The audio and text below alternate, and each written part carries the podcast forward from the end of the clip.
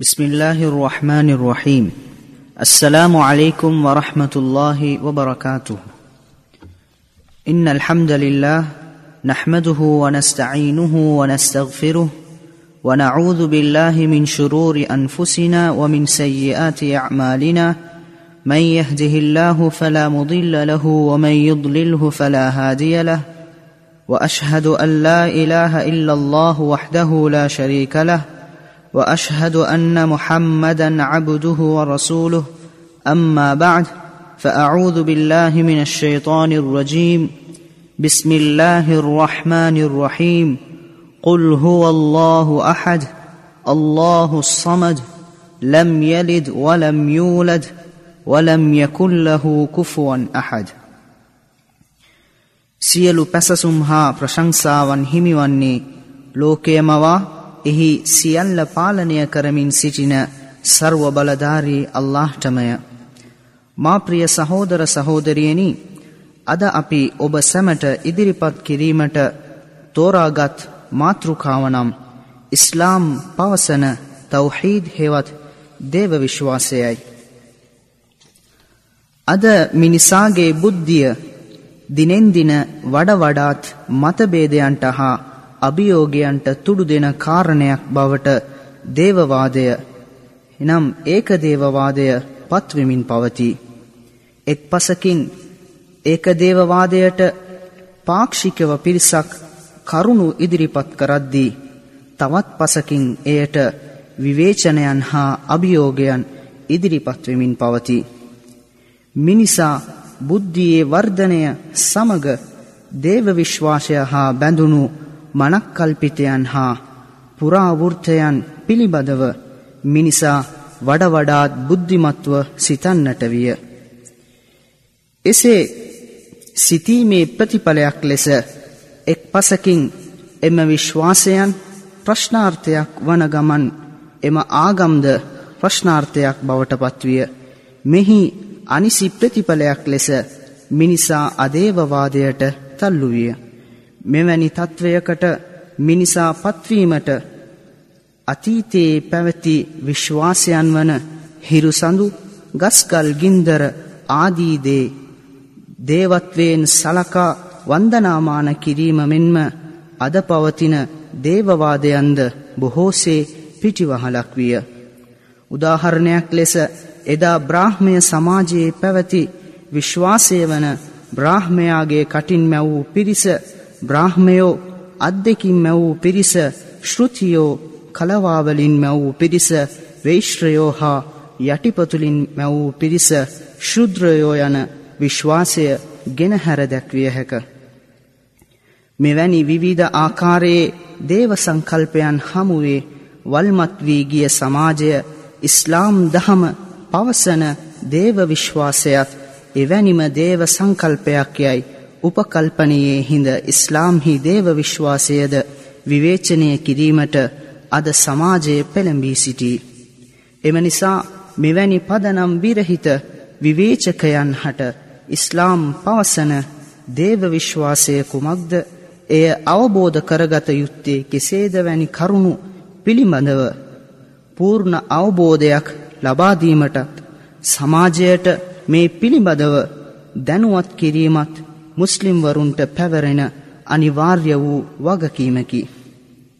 එසේම දේව විශ්වාසය පිළිගන්නා සමාජයේ සිටින බහුතරයක් තම දහම කෙරෙහි තිබෙන අනවබෝධය නිසාත් දේව විශ්වාසය කෙසේ වෙතත් අන්‍ය ආගමකයින් සමග තමාගේ ඇති සාමූහිකත්වය පෙන්වීම සඳහාත් ජනප්‍රිය මතයක් ඉදිරිපත් කරයි. එනම් සියලු ආගම් එකයි හැම ආගමීම කියන්නේ එකමදේ තමයි යනුවෙන් පවසයි.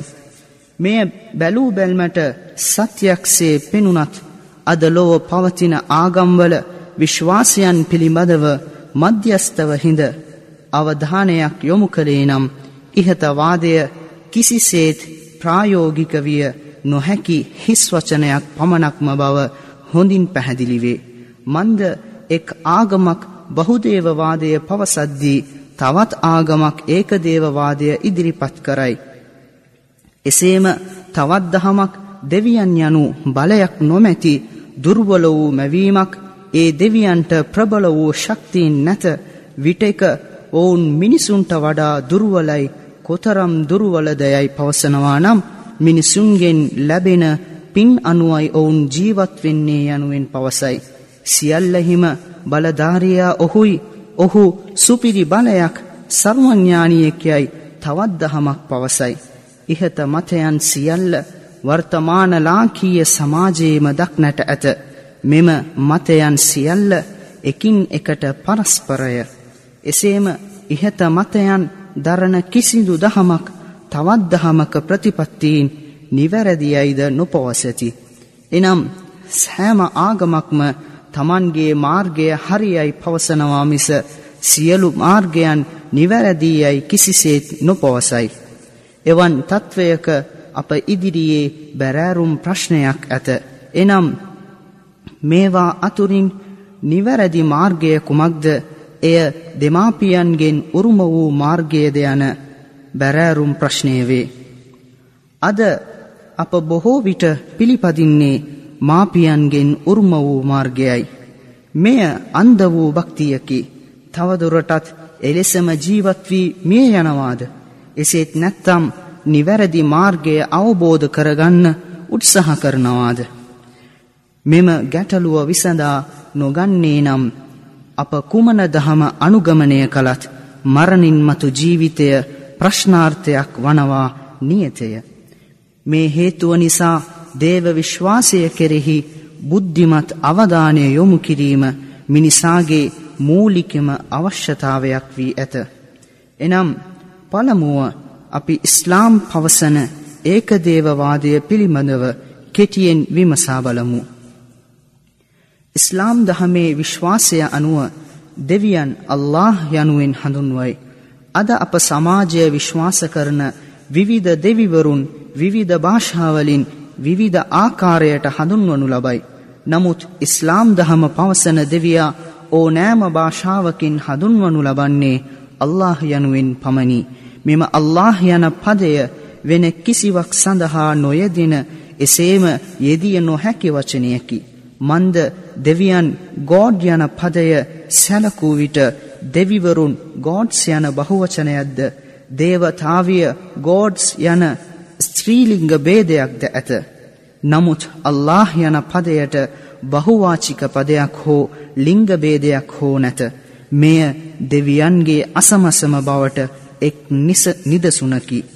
එම අසමසම දෙවියන් වූ අල්له දෙවියන් තමා හඳුන්වාදී දීමේදී ශුද්ධ වූ කුර්ආනයේ හතලිස්වැනි පරිච්චේදේ හැටහතරහා හැට පස්වන වාකයෙහි මෙසේ පවසයි. අල්له නුඹලාට පොළොව වාසස්ථානයක්ද අහස වියනක්ද කළේය. තවද ඔහු නුඹලාව මුෘතිමත් කොට නුඹලාගේ ස්වරූපය අලංකාර කොට යහදයින් නුඹලාට සම්පාදනය කළේය. ඔහුයි නුඹලාගේ හිමි අල්له සියලු ලොවෙහි අල්له අතිශ්‍රේෂ්ඨයි. ඔහු සදාතනිකය ඔහු හැර වෙන දෙවියෙක් නැත.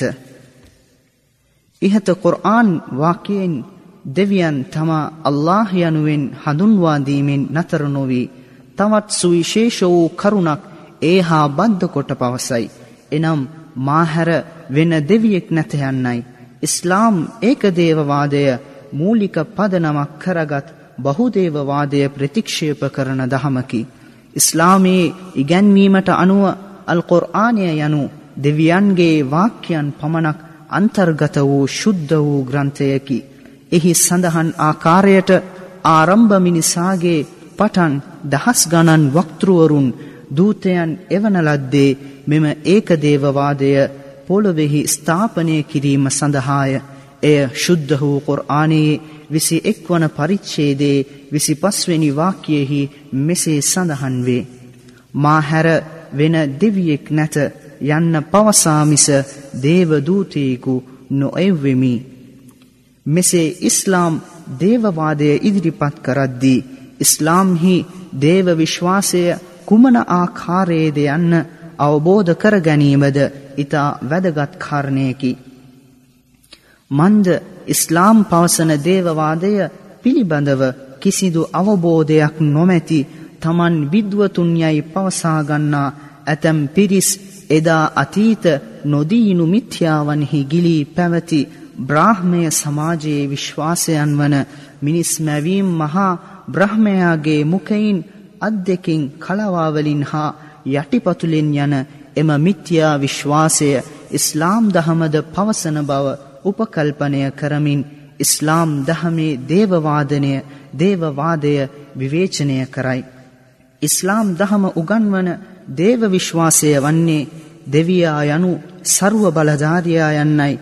එනම් සියල්ල කෙරෙහි බලය ඔහු සතුය ඔහු සර්ව පාලකයාය එනම් මුළු විශ්ව පාලනයම ඔහු සතුය ඔහු සර්වඥානියාය.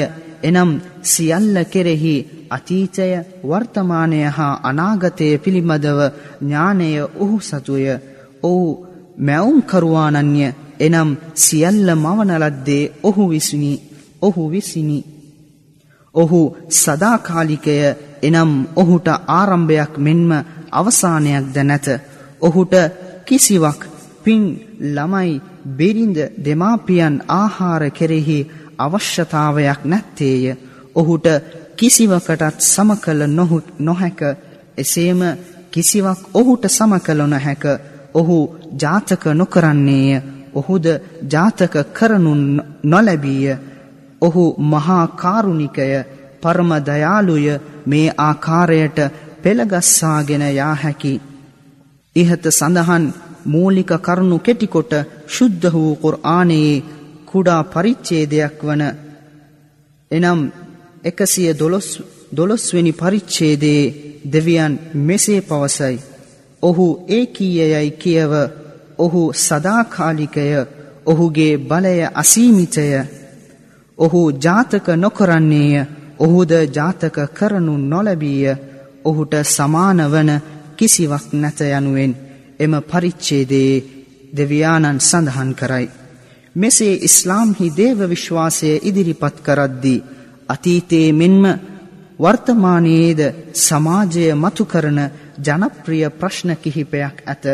එනම් දෙවියන් බිහි වූයේ කෙසේද දෙවියන් හට දරුවන් බිරිඳන් පවුලක් නොවියේ මන්ද සියල්ල එකම දෙවියන් ඉටු කිරීම ප්‍රායෝගිකද යන්නේය. මා ප්‍රිය සහෝදර සහෝදරියනි ඉහත ප්‍රශ්නයන් වල ඇති සාධාරණ බව කොපමණද යන්නත් ඉස්ලාම් දහම මේ පිළිබඳව කුමක් පවසනවාද යන්නත් දැන් අවධානය යොමු කරමු. පළවෙනි ප්‍රශ්නය නම් දෙවියන් බිහි වූයේ කෙසේද යන්නේය මෙය අදේවවාදීන් මතු කරන ජනප්‍රිය ප්‍රශ්නයකි. ඉස්ලාම් දහමේ ඉගැන්වීමට අනුව දෙවියන් හට ආරම්භයක් මෙන්ම අවසානයක්ද නැත. ඔහු සදාකාලිකය මේ නිසා එම ප්‍රශ්නයටම ඉස්ලාම් දහම තුළ ඉඩක් නැත. මෙවැනි ප්‍රශ්නයක් මිනිසුන් හට ඇතිවන්න ප්‍රධාන හේතුවක් ඇත. එනම් මිනිසා මිනිසාට සාපේක්ෂව දෙවියන් දෙස බැලීමයි. නමුත් දෙවියන් යනු සියලුම ආකාරයේ දුර්වලතාවයන්ගෙන් බැහැර වූ සුපිරි ශක්තියකි. අද මිනිසුන් බිහිවීමට හේතුවන දෙමාපියන් සිටිනවාසේ ඇයි දෙවියන් හට දෙමාපියන් නැත්තේ යන්න මොවුන්ගේ ප්‍රශ්නවල පසුබිමයි. දෙවියන් හට දෙමාපියන්ගේ අවශ්‍යතාවය ඇත යන්න දුර්වලතාවයකි. මන්ද අවශ්‍යතාවයක් ඇත යන්න එහි දුර්වලතාවයක් තිබේ යන්නයි. දුර්වලතාවයක් ඇත්තෙකු දෙවියක් විය දෙවියෙක් විය නොහැක මේ අනුව දෙවියන් යනු දුර්වලතාවයන් හා අවශ්‍යතාවයන්ගෙන් බැහැර වූ එකි. එම නිසයි ශුද්ධ වූ කුර්ආනයේ ලම් යලිද් වලම් යූලද් ඔහු ජාතක නොකරන්නේය ඔහුද ජාතක කරවනු නොලැබීය යනුවෙන් පැවසෙන්නේ. මෙවැනි ප්‍රශ්නයන් සමාජය තුළ බුද්ධිමත් තර්කයන් ලෙස මතු කළද? ඉන් පෙනී යන්නේ මිනිසාට දෙවියන් කෙරෙහි තිබෙන අනවබෝධයයි. මෙවැනි ප්‍රශ්න මතු කරන්නන් අතර බෞද්ධයින්ගෙන්ද සැලකිය යුතු පිරිසක් සිටි. බෞද්ධයින් මතු කරන මෙම ප්‍රශ්නය සඳහා ඔවුන් පිළිගන්නා දහම තුළම මෙම ප්‍රශ්නයට පිළිතුරු ඇත. එනම් බුදු දහමට අනුව ජීවි උපත් ආකාර හතරකට සිදුවේ එනම් අණ්ඩජ ජලාබුජ සංසේදජ හා ඕපපාතික යන්නයි. මෙහි ඕපපාතික අවස්ථාව යනු දෙමාපියන් නොමැතිව ජීවියකු පහළවන අවස්ථාවයි. බෞද්ධ විශ්වාසයට අනුව මේ ගණයට දෙවියෝ භූතයෝ හා බ්‍රහ්මයෝ අයත් බව විශ්වාස කෙරේ. ඒ අනුව බුදු දහමේ සඳහන් ආකාරයට බැලුවත් දෙවියන් යන්න දෙමාපියන්ගෙන් තොර වූ නිර්මාණයකි. ඉස්ලාම් දහම බුදු දහමේ පවසන ආකාරයේ දෙවියන්ගේ බිහිවීම තරයේ ප්‍රතික්ෂේප කරන අතර ඉස්ලාමයේ විශ්වාසය වන්නේ දෙවියන් යනු ආරම්භයක් මෙන්ම අවසානයක් නැති ඔහු සදාකාලික යන්නයි. මේ නිසා දෙවියන් බිහි වූයේ කෙසේද යන්න ප්‍රශ්නයට ඉස්ලාම් දහමෙහි ඉඩක් නැති යනුවෙන් ඔබට තේරුම් ගත හැක.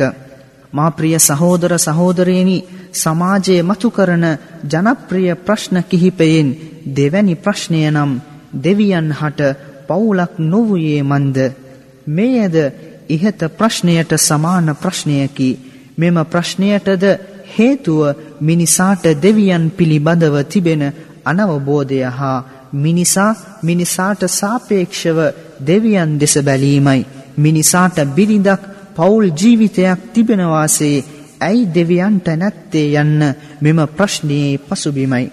මුලින්ම මිනිසාට පවුලක් එසේත් නැත්තම් ඇයි බිරිඳක්ගේ හා දරුවකගේ අවශ්‍යතාවය ඇතිවෙන්නේ යන ප්‍රශ්නයට අවධානය යොමු කළේ නම් ප්‍රධාන වශයෙන් මිනිසාට රාගය නැමැති දුර්වලතාවය ඇතිවේ.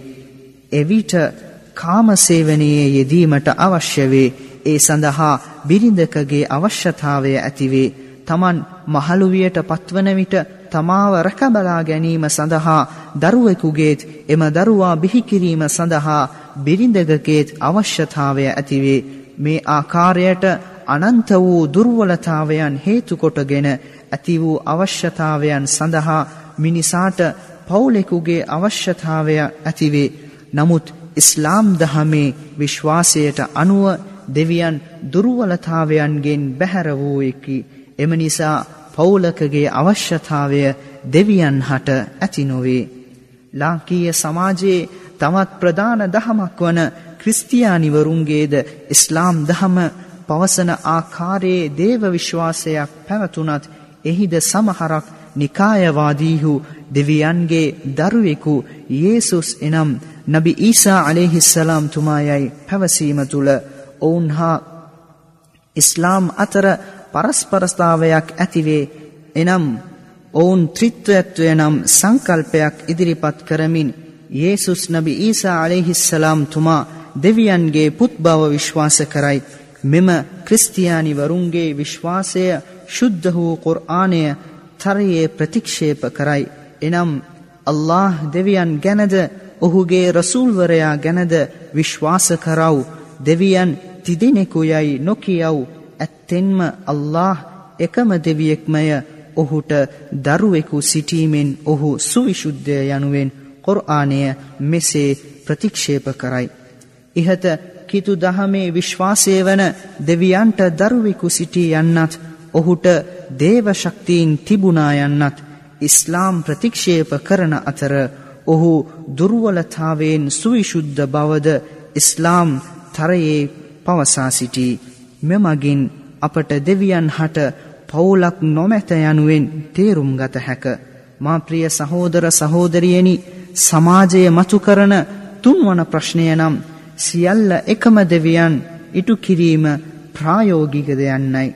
මෙවැනි ප්‍රශ්නයක්ද ඉදිරිපත්වීමට ප්‍රධාන හේතුව දෙවියන් පිළිබඳව මිනිසාට තිබෙන අනවබෝධයයි. එනම් දෙවියන්ටද ඇත්තේ මිනිසුන්ට සමාන ශක්තිීන් හා හැකියාවන් පමණක් යයි උපකල්පනය කරගෙන සිටීමයි. මිනිසාට කුමක් කළ හැකිද එයම තමා දෙවියන්ටත් කළ හැක්කේ යයි අප සිතන්නේ නම් එවැනි දෙවියෙකුගේ අවශ්‍යතාවය මිනිසාට ඇති නොවේ මන්ද මිනිසා දෙවියන්ගෙන් බලාපොරොත්තු වන්නේ තම ශක්තියෙන් ඉටු කළ නොහැකි තම හැකියාවෙන් පමණක් ලබාගත නොහැකි යම් කාර්යක් ඉලක්කයක් දෙවි පිහිටෙන් ඉටු කර ගැනීමයි එසේ එය සිදුවීමට නම් දෙවියා යනු මිනිස් ශක්තියින් හැකියාවන් හා බුද්ධීන් ඉක්ම වූවක් විය යුතුයි. සුපිරි නිර්මාණයක් යයි පවසන මිනිසා සැබවින්ම එක් අන්තයකින් සුපිරි වූවත් තවත් අන්තයකින් දුර්වලයකි. ඔහුගේ පැනීම් පෙනීම ඇසීම මේ සියල්ල ඇත්තේ සැබවින්ම දුර්වල මට්ටමකයි. මිනිසාගේ පෙනීම දෙස අවධානය යොමු කළේ නම් ඔහුට වඩාත් දුර මෙන්ම වඩාත් සමීපවද දැකිය නොහැක. උදාහරණයක් ලෙස වඩා දුර යන අහස් යානයක් දැකිය නොහැක. එසේම තම ඇස් කණ්ණාඩියේ ඇති කුණු කණ්ණාඩිය ගලවා බැලීමෙන් මිස දැකිය නොහැක. එසේනම් මිනිසාගේ දැකීම සීමා සහිතයි. ඇසීම වුවද එසේමය යම් සංඛ්‍යාතයකට වඩා වැඩි වූවත් අඩු වූවත් ඇසිය නොහැක.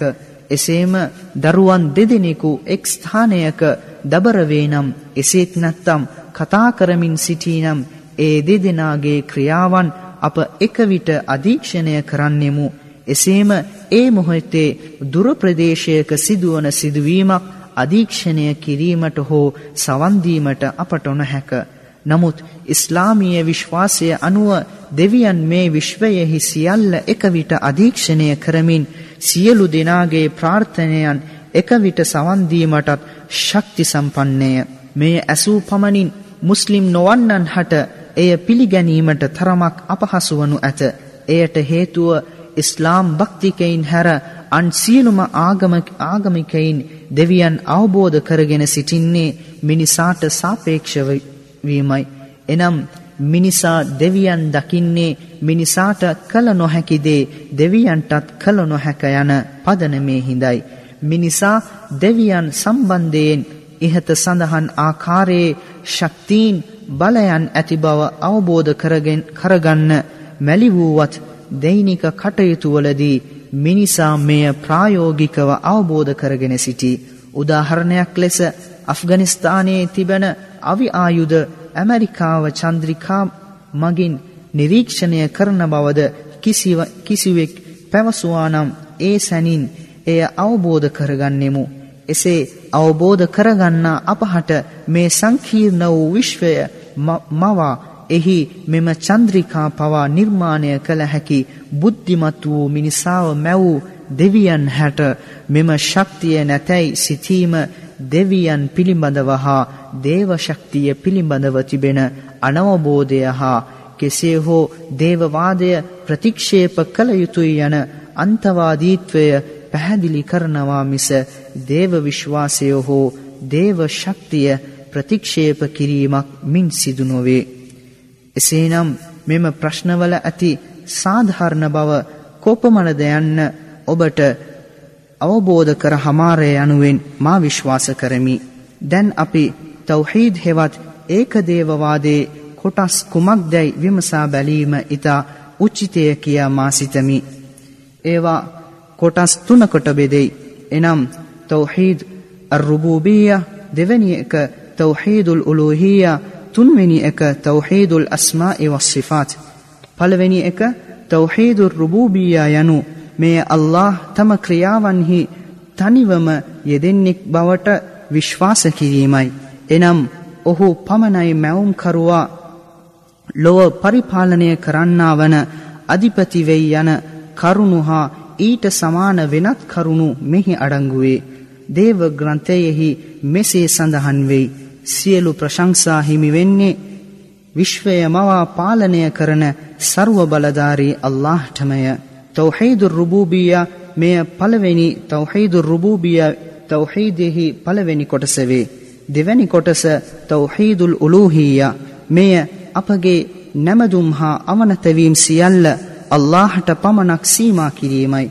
නිදසුන් වශයෙන් යාඥා කිරීම, සලාත් කිරීම, ප්‍රාර්ථනා කිරීම, බාරවීම, සත්ව කැප කිරීම, කුර්බාන් දීම, උදව් පැතීමය යමක් බාර කිරීම එනම් තවක්කුල් තැබීම කිසියම් කාර්යකදී තීරණය ගැනීම සියලුම ක්‍රියාවන්හි අල්ලාහට බියව කටයුතු කිරීම යනාදී හා මීට සමාන අනෙක් කාර්යද අල්ලාහ් වෙනුවෙන්ම ඉටු කිරීම ගෙන දැක්විය හැකිය. මෙය තවහීදුල් උලූහියා යනු තවහීද්හි දෙවැනි කොටසවේ එසේම තෞහීදුර් රුබූබියා තෞහීද් උලූහියා යනාදී අරමුණ කුමක්දයි දැන ගැනීමටත් ඊතා අවශ්‍ය දැන ගැනීමත් ඊතා අවශ්‍ය කරුණකි. මේ දෙකෙහි අරමුණ නම් අල්ලාහ්ට සම්පූර්ණයෙන්ම අවනත වීම ජනයින් පෙළඹවීමයි. පළමුවෙන් ජනයින් අල්ලාහ්ගේ ශ්‍රේෂ්ඨත්වය උත්තරීත භාවය මහඟුත්වය නිසි ලෙස වටහාගෙන යුතුය. එවිට ජනයින් පහත්ව කටයුතු කිරීමටද වැඳුම් පිදුම් හා අනෙකුත් කාර්ය ඉටු කිරීමටද ඇත්තේ එකම දෙවියෙක් වූ අල්ලාහ් බවට සැකයෙන් තොරව පිළිගනී. මෙම පිළිගැනීම ක්‍රමයෙන් වර්ධන වී දැඩි විශ්වාසයක් බවට පත්වෙයි. මෙම විශ්වාසයටයි ඊමාන් යනු කියන්නේ. තුන්වැනි කොටස නම් ඒක දේවවාදයෙහි තුන්වැනි කොටස නම් තෞහීදුල් අස්මා වස්සිෆාත් මේ වනාහි අල් කුර්ආනයේ හා නබිවදන්හි සඳහන් වන අල්ලාහ්ගේ ශුද්ධ වූ නාමයන් හා ගුණාංගයන් කෙරෙහි දැඩි විශ්වාසය ඇති කර ගැනීම වේ. අල්ලාහ්ගේ ගුණයන්හි කිසිදු වෙනසක් නොකිරීම ඔහුට මනක්කල්පිත භෞතික රූපයක් මවා නොදැක්වීම මිනිස් රුවක් මවා නොපැන්වීම යනාදිය අපගේ පරම යුතුයකම් වන්නේය. මෙහි නොකල යුතු බවට පවසා ඇති දේ ගැන නොතකා හැසිරීම නුවන්නටද හුරු නැත. අල්ලාහ් ගැන නියම වැටහීමකින් යුතුව කටයුතු කිරීම නුවණැති අයගේ උතුම් ක්‍රියාකාරීත්වයට අගනා නිදසුනකි. අල්ලාහ් මෙසේ අල් කුර්ආනයේ පවසයි. ඔහු මෙන් කිසිවෙකු නැත.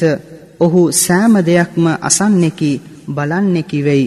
එනම් මා ප්‍රිය සහෝදර සහෝදරයනි මේ තවහීද් හෙවත් ඒක දේවවාදයෙහි කොටස් තුනවේ.